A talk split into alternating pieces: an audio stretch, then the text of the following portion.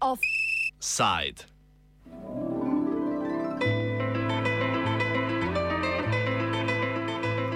Dragi Matarela, ni še čas za penzijo.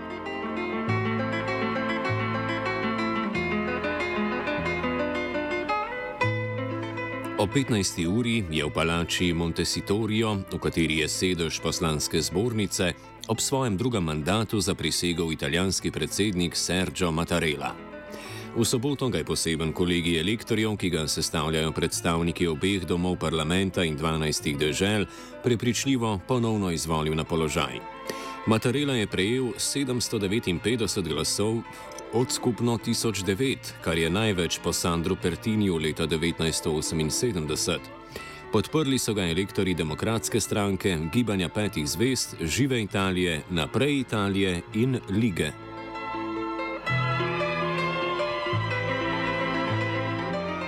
Posebnost italijanskih volitev predsednika republike je ta, da ga ne izbirajo neposredno voljivci, temveč to v njihovem imenu počne omenjeni elektorski kolegi.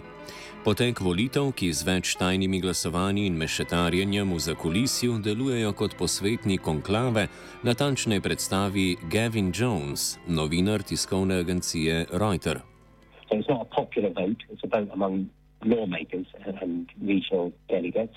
There, there's no for, no formal candidate. Not, you don't have a uh, you know like in a general election where you have a ballot sheet when you have to pick among certain names on the ballot sheet. Each parliamentarian just writes whoever he wants on a piece of paper, and um, in the first three rounds, uh, you, the, the winning candidate who becomes president has to get uh, two thirds of the uh, 1,009 people eligible to vote. And if nobody does in the first three rounds, then um, after that, you just need an, a majority, uh, an, uh, a, you know, 505 votes, which is. Uh, Po sedmih letih Matarelovega mandata si je desno-sredinska koalicija, sestavljena iz naprej Italije, Lige in Bratov Italije, želela na to mesto izvoliti svojega kandidata. Desna koalicija sicer že v osnovi ni povsem enotna, saj so bratja Italije edina prava opozicija trenutni vladni koaliciji, katere del sta preostali dve desni stranki. Sprva so predlagali nekdanjega premijeja in predsednika stranke Naprej Italija Silvija Berlusconija, ki je, ko je ugotovil, da nima dovoljšne podpore, od kandidature odstopil dva dni pred prvim krogom volitev. Kot pojasni Paola Tama, novinarka politika, se jim na to nikakor ni uspelo zediniti glede novega skupnega kandidata ali kandidatke. They had agreed originally to have a joint candidate, and that joint candidate was supposed to be Silvio Berlusconi himself. But he pulled out of the race shortly before elections began, and that sent the center right coalition in a bit of a downward spiral because they couldn't really agree. Um, after the first voting rounds, where no candidate emerged because in the first three voting rounds, uh, two thirds majority is needed, and then it's just a simple majority. The right started uh, shooting names and uh, hoping for a win, but obviously they couldn't command the necessary votes in the parliament, and therefore none of their names, including the president of the Senate, our upper chamber, um, was elected. And so the right failed to put forward a candidate which managed to get a majority. They refused to support the candidacy of Mario Draghi, our current prime minister, who put himself forward uh, at the end of last year, and as a result, really didn't manage to to get their way.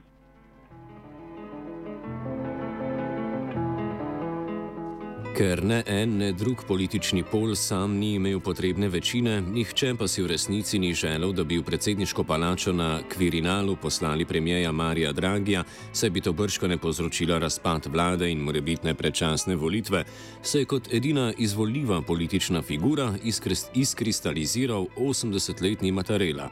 Podprle so ga prepričljiva večina in skoraj vse stranke. Izjema so bili skrajno desni bratja Italije pod vodstvom Giorgia Meloni, ki si tudi edina zares želi na volitve, saj si obeta zmago in mandatarstvo. Matarela je sicer večkrat zavrnil možnost ponovnega mandata in se je nameraval upokojiti.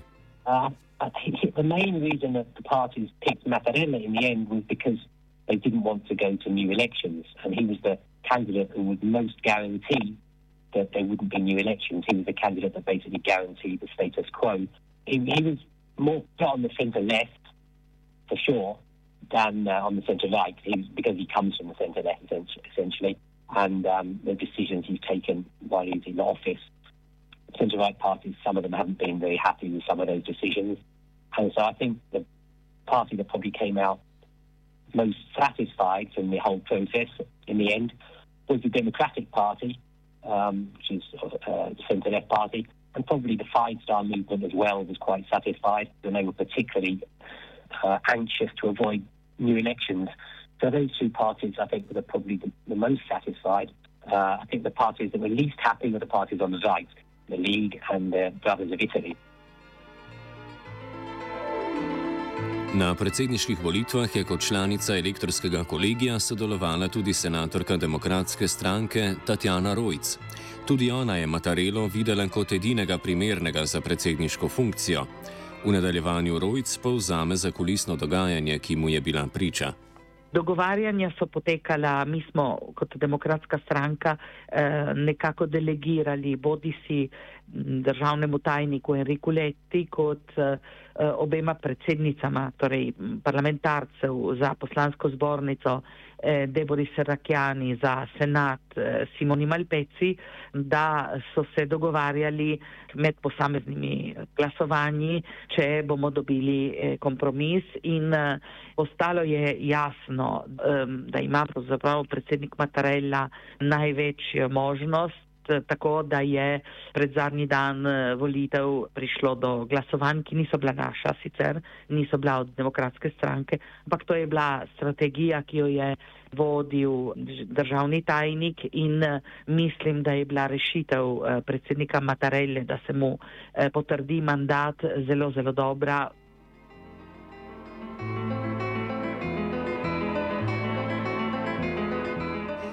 Pooblastila italijanskega predsednika so zlasti protokolarne narave, na kar kaže tudi način izvolitve, a kot pove Tama, imajo v času politične nestabilnosti vseeno pomembno vlogo. In normal times, the presidential role is largely ceremonial. They have the power to sign laws into existence and they also preside the justice um, system. But what is important to note is that they have very sweeping powers when it comes to times of crisis. And let's not forget that in Italy, cabinets last on average a year or less, so that those come quite often. And in times of crisis, the presidents can appoint a government, dissolve the chambers, give a mandate to form a government to a different coalition. So they really can become much more influential than perhaps one would think uh, of a larger ceremonial figure. Prav zaradi stabilnosti, ki jo je predstavljal Matarela v nasprotju s šibkimi vladami in pogosto razklanimi vladnimi koalicijami, je predsednikovanje dobilo večji pomen in politično težo. V zaključenem sedemletnem mandatu so se pod Matarelo zamenjali štirje premijeji. Trenutni Mario Draghi je tehnokrat. Prav zato Rojc trdi, da je nujno, da obstaja in da je obstajalo razmerje med tehnokratskim premijejem in političnim predsednikom. Mi imamo v Italiji eh, situacijo, da imamo na čelu vlade Marija Dragija, ki je, eh, kot veste, tehnik. On ni bil izvoljen, on je bil eh, tja postavljen zato, da pač pride do eh, neke čim širše vladne koalicije v tem kriznem obdobju. In eh, Mario Draghi je garant za Italijo in tudi eh, osebnost, ki je zelo močna in jo prepoznava Evropa. Kandidatka, ki Eh, je imela največ možnosti, da bi bila izvoljena kot predsednica države, je bila torej Elizabeta Bonomo, ki je v službi na zunanjem ministrstvu. In uh, to spet ni uh, politična figura, torej bi šlo za to, da bi imeli potem dejansko na dveh ključnih mestih za uh, urejanje državnega življenja dva tehnika in to bi pomenilo, da bi nekako umanjkal tisti ključni moment, ki je odločitev parlamenta dejansko, ne? ker če nimamo predsednika republike, ki prihaja iz vrst parlamenta oziroma ki je odraz tudi parlamenta in dejansko državljanov, potem pomeni, da bi bil to en precedens, ki bi močno lahko ohromil tudi bodoče življenje države same. Volitve, čeprav zgolj med parlamentarci, imajo vedno tudi širše politične posledice. Stranke, predvsem tiste na desnici, so predsedniške volitve razumele kot začetek predvolilne kampanje pred parlamentarnimi volitvami prihodnje leto. In če je Dragijev obstanek na čelu vlade le to rešil pred razpadom, to še ne pomeni, da bo tudi v prihodnje sodelovala, kot je do zdaj. Prav je bilo včeraj se nekaj zamajalo v vladi zaradi recimo, nevolje, predvsem lige, ki je v tem obdobju med volitvami predsednika republike, bom rekla, izgubila prestiž. Salvini si je eh, troštal ali pa si je, je, je hotel dokazati, da je kingmaker celotne igre eh, za predsedniško izvolitev. V resnici pa je, kar je povedala tudi Melonijeva, je um, zelo jasno izpostavila dejstvo, da je uh, desna sredina v tej bitki in popolnoma izgubila in da bo zdaj zatreba recimo za politične volitve uh, nastaviti na novo cel program desne sredine. Po Giorgio Napolitanu leta 2013 je Mattarella šele drugi ponovno izvoljeni italijanski predsednik. Napolitano je po dveh letih drugega mandata odstopil z položaja. Tako imenovanega Napolitanovega modela se zna poslužiti tudi Mattarella, ki meni, da ponovni predsedniški mandat ni v duhu italijanske ustave. Mnogi tako že ugibajo, da bi ga utegnil naslediti Dragi, a šele po parlamentarnih volitvah, ki bodo potekale v skladu z novo volilno zakonodajo. Mario Draghi je prav, to je bilo moje mnenje že od vsega začetka, da ostane na svojem mestu vsaj do konca eh, mandata oziroma zakonodaje, ki se bo zaključila eh, leta 2023 na začetku leta. In to iz uh, določenih razlogov, ki so zelo tehni. V Italiji je prišlo do velike ustavne reforme, ki bo um, torej v naslednji zakonodaji se bo število parlamentarcev skrčilo od 900 na 600. In zato je bilo tudi pomembno, da ostane Mattarella na svojem mestu, kar pomeni, da bo uh, dejansko nov uh, parlament imel nalogo, da izvoli novega predsednika republike, ker bi ta parlament, tak kot je, v bistvu bil nekako pod vprašajem, ker je to eno prehodno obdobje. Zdaj, Mario Draghi mora ostati tam zaradi garancije, ki jo predstavlja. In prav zaradi tega je prišlo do, do te um, obnovitve zaupnice uh, predsedniku Mattarelli.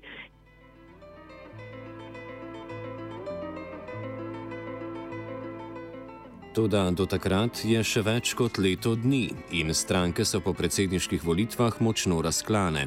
Stranke na desnici se borijo za prevlado znotraj pola, Mateo Salvini pa celo razmišlja o povezovanju s sredino. Tako na levem polu bo po besedah Tame prišlo do nujnega prestrukturiranja pred volitvami.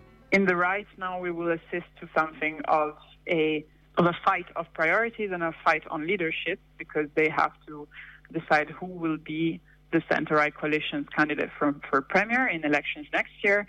And even if there will be a center right coalition, Salvini has been saying he wants something of a Republican Party. Um, that is an idea to reach more of an electorate closer to Berlusconi and the center right.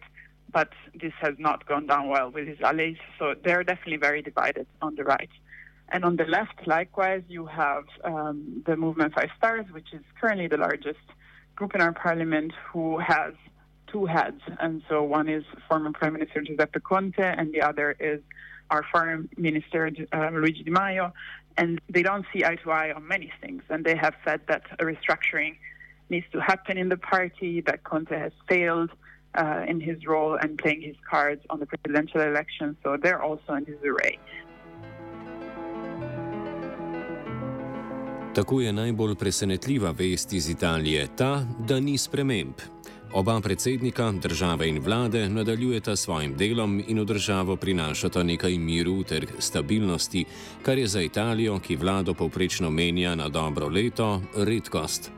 A če kaj, je ohranjanje takšnega statusa quo pravzaprav posredno priznanje poraza zdajšnjega parlamentarizma in razklanih strank, ki za ključne politične položaje ne zmorejo ponuditi primernih kandidatov iz svojih vrst.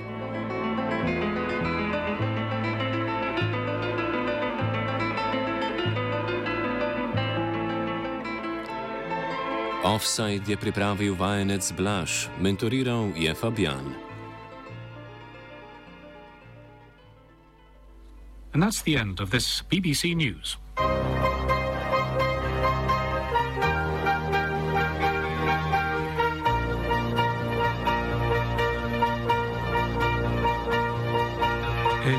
Radio za gluhe ta moment je radio študent.